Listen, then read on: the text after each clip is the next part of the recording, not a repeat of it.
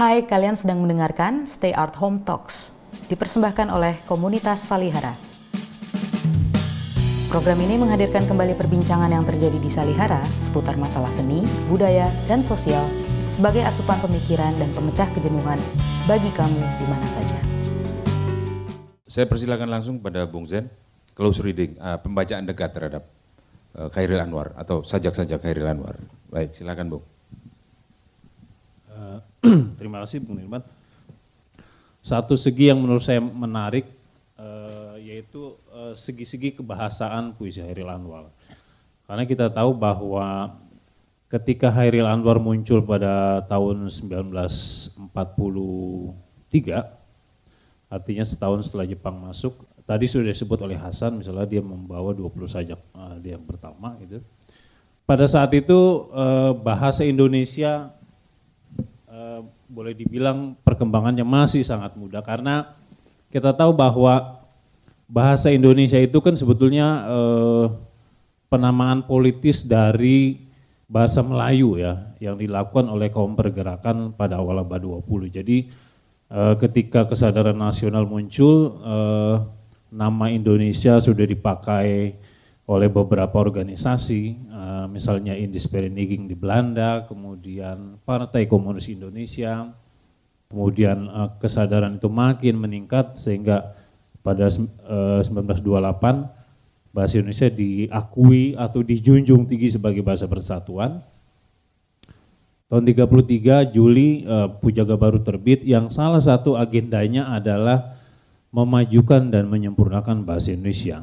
Tetapi kemudian kita tahu bahwa uh, proyek itu menjadi sangat panjang dan tiba-tiba harus berhenti ketika Jepang masuk pada tahun 42, uh, eh, Maret 42.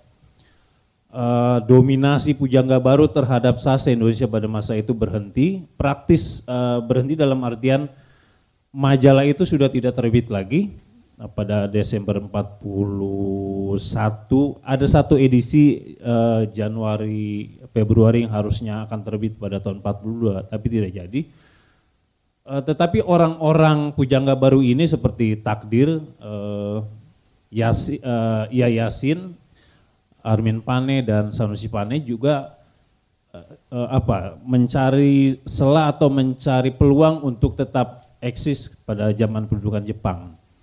Maka pada uh, bulan, jadi situasi zaman Jepang itu menurut saya sangat menarik karena bahasa Indonesia mengalami modernisasi atau mengalami uh, penyempurnaan. Misalnya uh, Komisi Bahasa Indonesia dibentuk pada Oktober 1942 salah satu kerjaan uh, Komisi Bahasa Indonesia itu adalah menerjemahkan atau mengalihbahasakan istilah-istilah asing, bidang teknik, uh, bidang hukum dan lain-lain ke dalam bahasa Indonesia. Kamus istilah itu baru terbit pada tahun 45 Oktober. Kemudian uh, pada ta, uh, pada tahun uh, setahun berikutnya, saya kira beberapa bulan berikutnya uh, Maret 1943 Eh, Jepang atau bagian pengajaran mendirikan apa yang disebut sebagai kantor pusat kebudayaan atau Keimin Sidoso. Itu semacam kalau sekarang seperti komit apa seperti Dewan Kesenian Jakarta itu. Ada komite sastra, ada komite teater, ada komite musik, ada uh, ya film. Nah, ketua ketua Keimin ini adalah Sanusi Pane, kita tahu orang Pujaga Baru. Kemudian ketua komite sastranya atau bagian kesastraannya namanya adiknya sendiri Armin Pane dan sekretaris dari uh, uh, komite sastra adalah Habiasin. Uh, ah, bagaimana menghubungkan Yasin dan Hairil saya kira uh, kita harus mundur sedikit ke belakang. Nah saya membuat, uh, misalnya ada satu foto uh, di Medan ya, uh, jadi ketika uh, di Mulo uh, Medan, Hairil sekolah sampai kelas 2 dan dia menjadi redaktur apa yang disebut media ons Mulo Blood. Jadi semacam majalah anak SMP kalau sekarang. Mulo itu setingkat SMP dan redakturnya adalah Hairil Anwar. Uh, kalau tidak salah Yasin waktu itu HBS di Medan. Mereka sering ketemu di asrama Joshua namanya di Medan maintenance meja apa gitu dan orang ini teriak-teriak eh, nggak nggak mau nggak mau kalah itu loh uh, Hairil. Jadi sebetulnya meskipun baru berjumpa lagi di Jakarta pada tahun 43, Yasin dan Hairil tuh punya hubungan baik di Medan. Anak anak mulut dan anak HBS. Uh, karena Yasin sudah menjadi uh, sekretaris Pujangga baru sejak tahun 41, tapi ketika majalah itu terbit, dia kemudian menjadi uh, sekretaris uh, Panji Pustaka. Panji Pustaka ini adalah majalah yang diterbitkan sejak tahun 1919 atau 20 oleh penerbit Balai Pustaka. Jadi uh, majalah terbitan pemerintah kolonial yang isinya ada rubrik memajukan kesusastraan yang dikelola oleh Takdir. Kemudian uh, Takdir mendirikan Bujagan Baru pada tahun 33. Jadi untuk menampung lebih banyak lagi tulisan-tulisan uh, sastra dari berbagai uh, penulis dari seantero Hindia Belanda waktu itu. Ketika uh, Hairil muncul di zaman Jepang kurang lebih situasinya begini. Uh, sastra Indonesia itu adalah makhluk yang masih sangat muda usianya, masih mencari bentuk gitu, mencari jati diri. Dan bahasa Indonesia kalau menurut ungkapan takdir adalah orang muda yang harus melakukan pekerjaan orang dewasa. Jadi ya baru tiga, tiga, dua tiga dasawarsa perkembangan modernnya begitu. Karena kalau menyebut bahasa Melayu itu artinya kan penamaan prai Indonesia kalau istilah takdir. Jadi zaman yang Indonesia sebetulnya belum ada.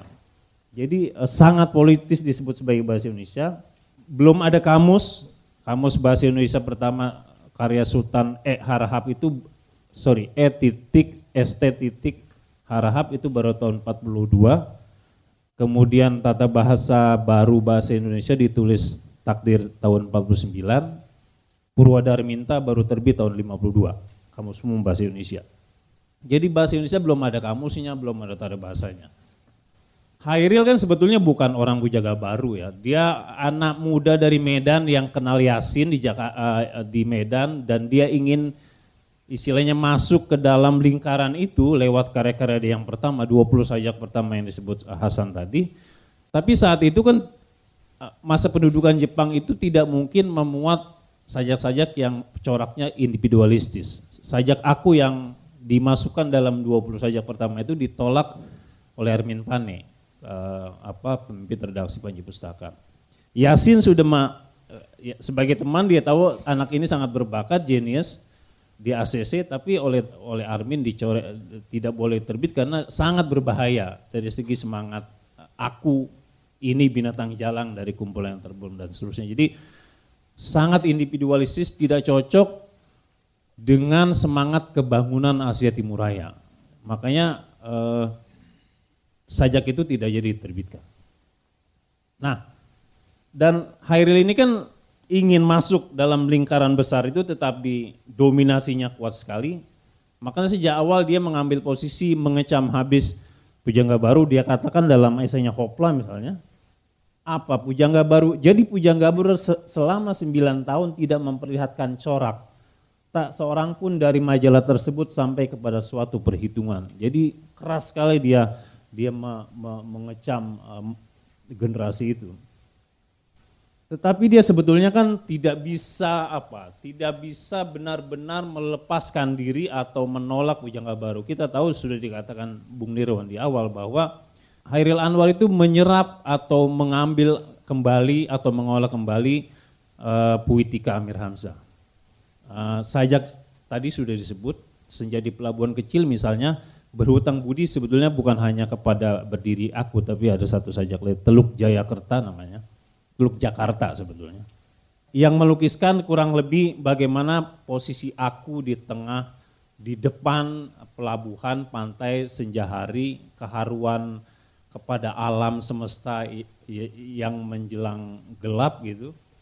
Tetapi oleh Haril Anwar nanti saya akan jelaskan di, di, di belakang, diubah sedikit menjadi sajak orang yang patah hati.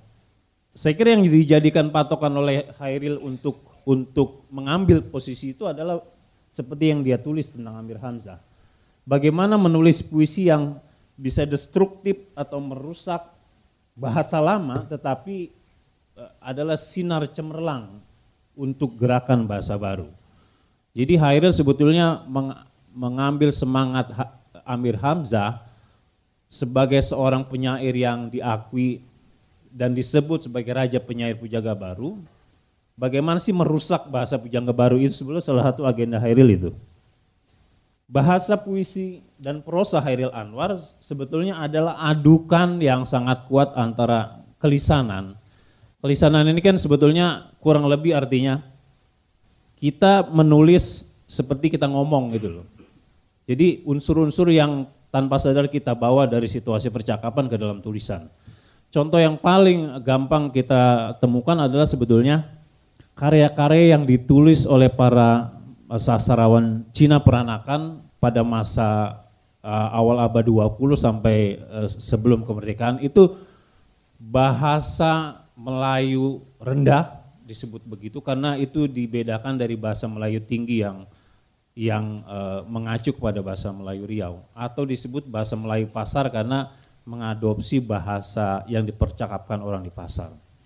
Jadi si, situasi atau suasana kelisanan itu sangat terasa dalam dalam sajak saja uh, sorry dalam prosa uh, uh, karya karya Cina peranakan dan kaum nasionalis, pengarang nasionalis yang bukan masuk generasi balai, eh, balai pustaka dan tidak masuk ke lingkaran Bujanga Baru. Ada satu generasi penulis di Medan, uh, seperti Hamka, Yusuf Soeb itu, mereka tidak masuk generasi uh, Panji, uh, sorry uh, Balai Pustaka, sorry uh, Punjaga Baru, tetapi mereka membuat satu lingkaran sendiri, pengarang-pengarang Medan. Mereka membuat roman yang disebut roman pergaulan, cerita-cerita sentimental, eh, cerita-cerita cinta yang menguras air mata, dan itu pembacanya ada. Eh, di Medan tuh ada ada genre sendiri. Itu tidak termasuk lingkaran Bujangga Baru. Jadi situasi kelisanan itu di bawah Hairil dari Medan ke Jakarta. Menurut saya bagaimana dia menyerap bahasa Melayu dialek Deli Medan misalnya. Dan dia juga menyerap kelisanan dalam masyarakat Jakarta, termasuk salah satunya bahasa Betawi. Bagaimana sih modus penyair yang ingin mendobrak dominasi punya baru? Jadi penyair itu harus mengalami tadi Niron sudah katakan kehidupan yang otentik. Jadi dia harus terjun ke dalam kehidupan nyata yang sebenar-benarnya. Bagaimana dia harus menyelami orang miskin, bagaimana harus keluyuran masuk ke, ke, ke daerah pelacuran di Senen atau di, di Tanah Abang, ke jalanan. Ke Jadi mitos binatang jalan itu sebetulnya muncul karena penyair ini harus mengalami pengalaman otentik. Harus benar-benar mengalami itu hidup. Ya kalau mabuk dia harus mabuk misalnya. Jadi dalam posisi ini menyair sebetulnya bukan pekerjaan intelektual. Karena dia pekerjaan yang harus diserap gitu dari kehidupan sehari-hari. Membaca mungkin bukan bagian dari itu. Kalau istilah orang-orang lekra tahun 50-an tuh namanya turba, turun ke bawah. Jadi mengalami kehidupan tukang beca, orang-orang di kampung, kaum nelayan, dan kemudian mengambil alih pengalaman mereka menjadi pengalaman uh, si. Kelisanan dalam saya kerja Khairil, semula kita nyangka orang ini nggak bisa bahasa Indonesia ini. Tapi rupanya itu permanen, jadi berulang-ulang digunakan di banyak puisi dia yang lebih kemudian. Bahkan sampai puisi dia yang tahun 48. Saya kemudian atau kita merasa orang ini nggak bisa bahasa Indonesia ternyata nggak juga. Ini strategi dia untuk merusak bahasa pujangga baru yang formal, resmi, kaku dalam arti e, keresmian kaku itu, tidak menyerap bahasa kelisanan hampir tidak ada. Misal pada masa pujangga baru e, muncul tahun 30-an sampai sebelum Jepang masuk, kan masa itu sebetulnya masa keemasan e, karya-karya Cina peranakan tidak ada studi tentang itu oleh Pujaga Baru. Hanya satu kali uh, takdir menulis tentang perlunya bahasa Melayu Tionghoa ditelaah, ditelaah kembali. Tapi setelah itu tidak ada perhatian sama sekali. Jadi seakan-akan Pujaga Baru adalah modernisme tinggi, eh, anak-anak peranakan itu atau anak Medan itu modernisme kelas rendah. Jadi pembedaannya atau oposisinya begitu. Kelisanan adalah cara Hairil meng menggoncangkan otoritas pujangga baru yang resmi formal dalam berbahasa, tetapi juga setengah hati dalam berori uh, dalam orientasi kesetaraan. Maksudnya begini, ketika mengumumkan esai-esainya tahun 32, eh, takdir Ali Sabana itu menyebut istilah puisi baru ya. Sebetulnya dia menyebutnya puisi baru bukan puisi modern. Jadi puisi bentuk baru yang yang mencoba berbeda dari puisi-puisi Melayu pada saat itu yang lebih banyak mengadopsi kekuatan pantun ke dalam dirinya. Makanya pada masa itu yang paling terkenal sekali bentuk uh, sastra modern yang diambil alih adalah soneta. Karena soneta itu jumlahnya 8 dan 6 ya. 8 pertama, 8 baris pertama itu sama seperti pantun, sampiran. Sementara 6 berikutnya uh, itu adalah pernyataan isi maksud si pengarang, seperti isi dalam pantun. Jadi orang-orang pujara baru seperti Sanusi Pane mengambil alih soneta karena strukturnya itu seperti pantun. Apakah uh, pujangga baru me mengerjakan puisi bebas? Ada beberapa penyair misalnya seperti Tatengkeng atau Takdir, uh, itu uh, saya kira juga Amir Hamzah seperti disebut Nirwan pada esainya yang lain. Tetapi ada problem dengan dengan dengan dengan bentuk itu. Salah satu problemnya adalah begini. Anak-anak pujangga baru ini kan orang yang seperti dilukiskan oleh Amir Samda, pemburu rupa maha sempurna. Jadi keharuan terhadap alam itu sangat berlebih-lebihan atau kalau sedih, sedih sekali. Jadi sajak itu adalah seni sedih kalau menurut Amir Hamzah. Jadi Baran Mega misalnya, itu buku puisinya eh, Ali Sabana yang terbit tahun 35 itu ber, berleleran air mata karena isinya menangisi kematian istrinya yang pertama. Sama kalau kita baca cerpen-cerpennya eh, Hamka yang terbit eh, eh, di Medan eh, apa itu juga begitu. Jadi sangat sangat menguras air mata, melodramatis kurang lebih. Nah, puisi bebas itu tidak dikerjakan secara sungguh-sungguh oleh pujangga baru. Tetapi baru pada masa Haril Anwar mendapat tempat mendapat eksplorasi yang yang yang sangat maksimal. Namun apa sih uh, puisi bebas itu? Puisi bebas itu tidak punya bentuk yang pasti dalam dalam tradisi sastra Indonesia. Misalnya dalam kasus Hairil Anwar ya, uh, dia masih mementingkan persajakan misalnya di setiap baris akhir larik itu masih bisa dihitung AABB, ABAB, tapi di tengahnya rusak, struktur sintaksisnya rusak. Puisi bebas dalam pengertian puisi Haril Anwar sebetulnya ada bentuk yang tegang antara merawat konvensi pantun, bunyi, musikalitas yang teratur dengan eh, rongrongan atau dorongan untuk merusaknya. Jadi eh, tegangan itu dirawat dengan baik oleh Haril Anwar. Misalnya senja, uh, senja di pelabuhan kecil, itu kan nanti saya akan kasih contoh di akhir. Merawat konvensi pantun tapi juga merusaknya di tengah. Ekspresinya sangat padat, diksi bisa dari kehidupan sehari-hari, artinya kelisanan. Sintaksisnya bisa tersendat-sendat karena misalnya di tengah ada citraan yang aneh sekali, nanti saya kasih contoh. Gerumpung gitu dan citraan bisa tumpang tindih.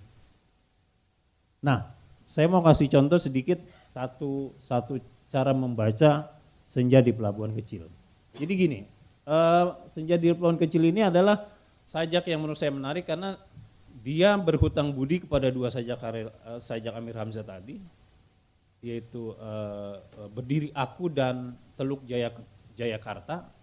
Tetapi sajak ini juga menurut saya mempengaruhi sajak modern di kemudian hari ini kali tidak ada yang mencari cinta. Ini kan inversi yang biasa di, dikerjakan oleh Hairil Anwar.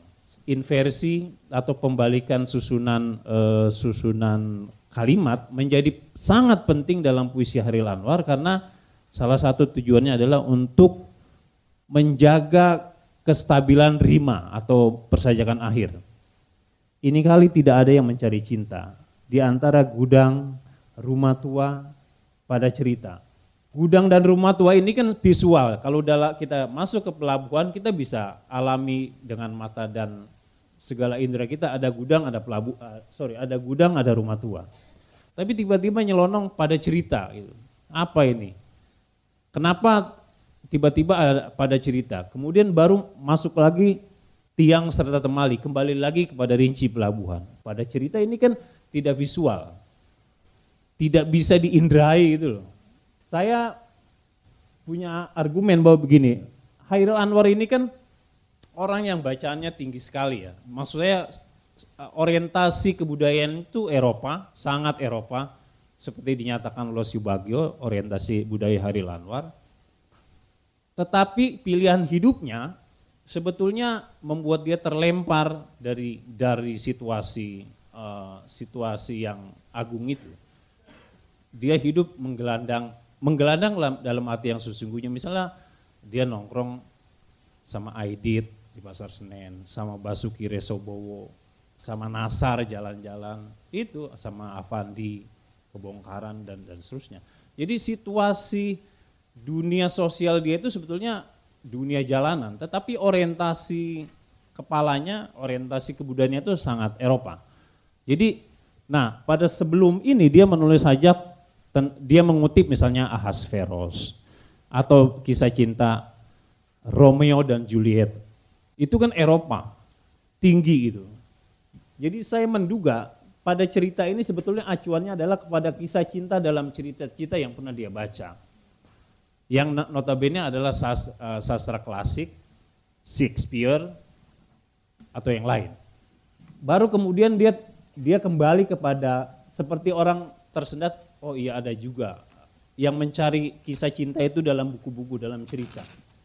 Kemudian ada kata menghembus tadi sudah saya sebutkan bahwa menghembus ini sebetulnya punya dua makna. Pertama menghembus dalam artinya atau terusir itu bahasa Melayu Medan, tetapi juga bisa bertiup angin. Jadi dia menggunakan satu kata yang dwi makna atau ambigu gitu menghembus diri dalam mempercaya mau berpaut coba. Dia membuat bentukan kata sendiri mempercaya. Yang kalau kita cek kamus bahasa Indonesia pada tahun itu, misalnya karya eh Sultan Arab dan eh, Purdawa dan Minta, hanya ada dua bentuk, mempercayai atau mempercayakan. Dia bikin-bikin sendiri aja. Menghembus diri dalam mempercaya mau berpaut karena kalau dibagi dua, larik ini bisa bisa sejajar loh, menghembus diri dalam mempercaya mau berpaut. Jadi em, em itu penting, sajak dalaman namanya kalau dalam istilah sastra. Jadi bukan hanya rima di akhir tetapi sajak dalam. Pengulangan meng atau mem itu itu sajak dalam. Nah, dengan adanya cinta di baris pertama, cerita di baris kedua itu sejajar.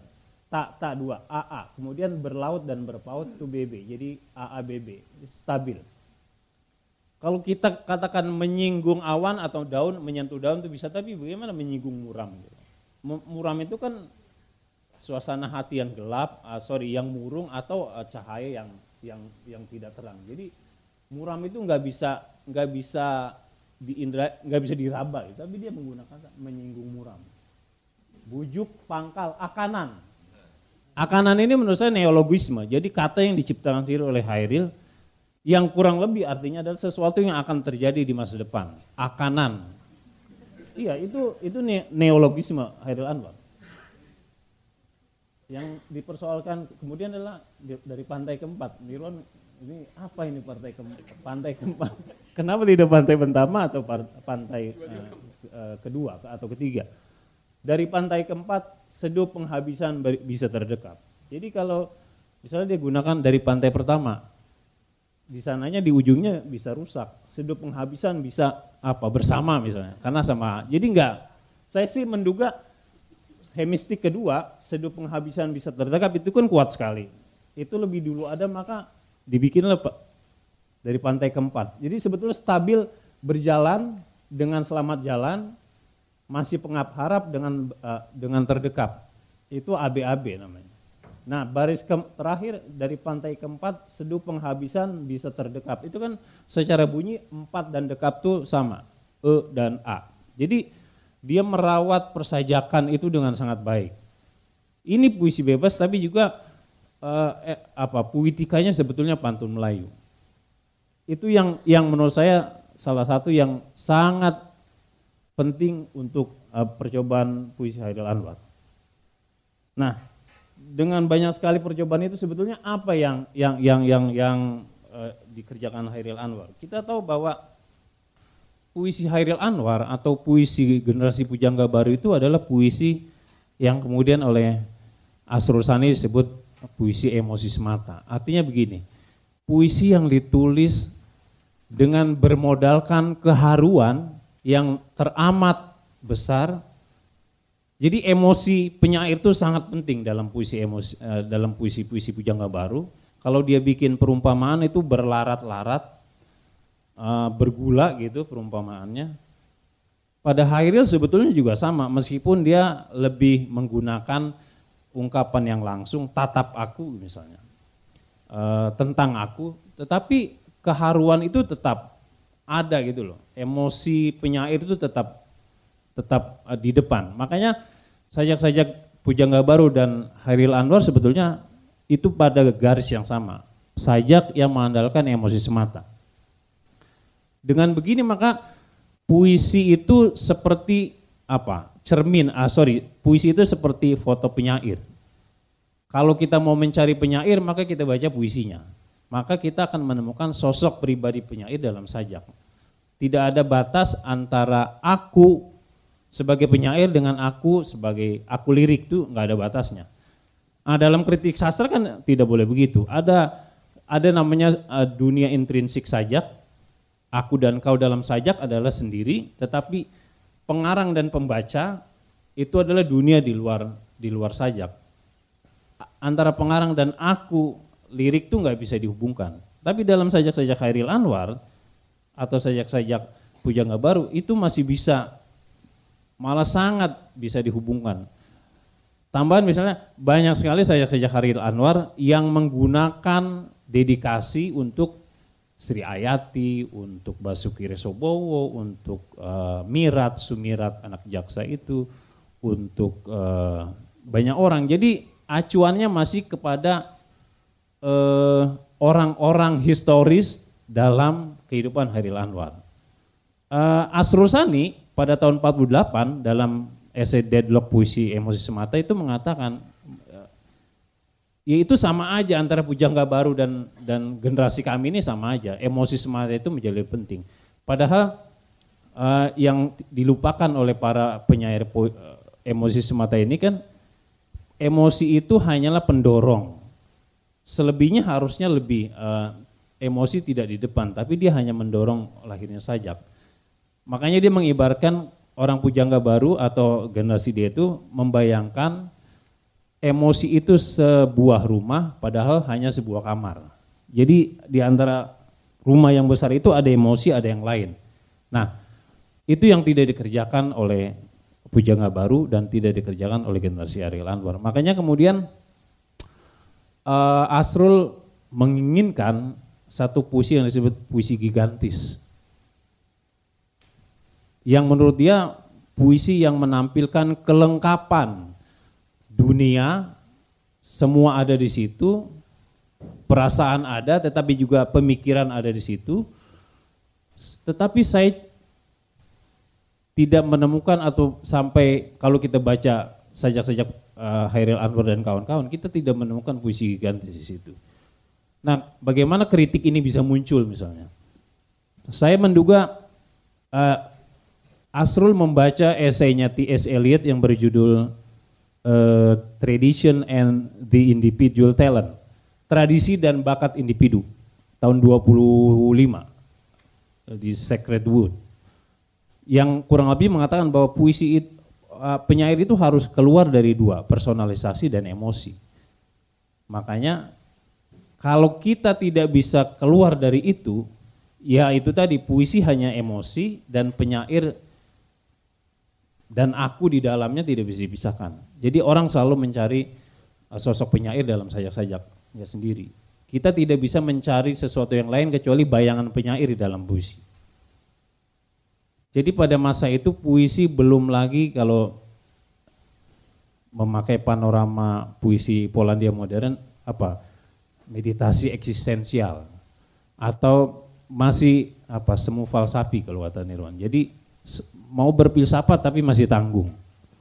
Aporisma-aporisma Hairil Anwar itu kan sebetulnya kehendak untuk berpikir lebih banyak ya, berfilsafat. Misalnya cinta adalah bahaya yang lekas jadi pudar atau eh, hidup hanya menunda kekalahan. Itu satu rumusan yang kalau dielaborasi bisa jadi jadi jadi pernyataan yang filosofis dan dan mendalam.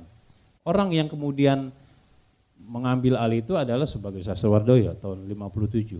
Puisi adalah pengentalan yang filsafat, pengalaman yang filsafat kata Subagio. Jadi kalau kita bertanya apakah setelah itu dibikin sajak-sajak gigantis atau puisi gigantis, saya kira kita menemukan mungkin saya menduga dikerjakan oleh Subagio dalam salju misalnya, dalam sajak-sajak liris uh, Gunawan Muhammad dan Sapardi, puisi-puisi balada Rendra,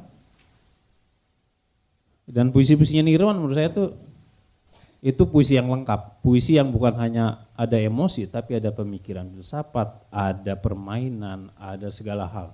Jadi puisi sebagai sebuah dunia yang sangat lengkap. Dengan ini saya sudahi, terima kasih.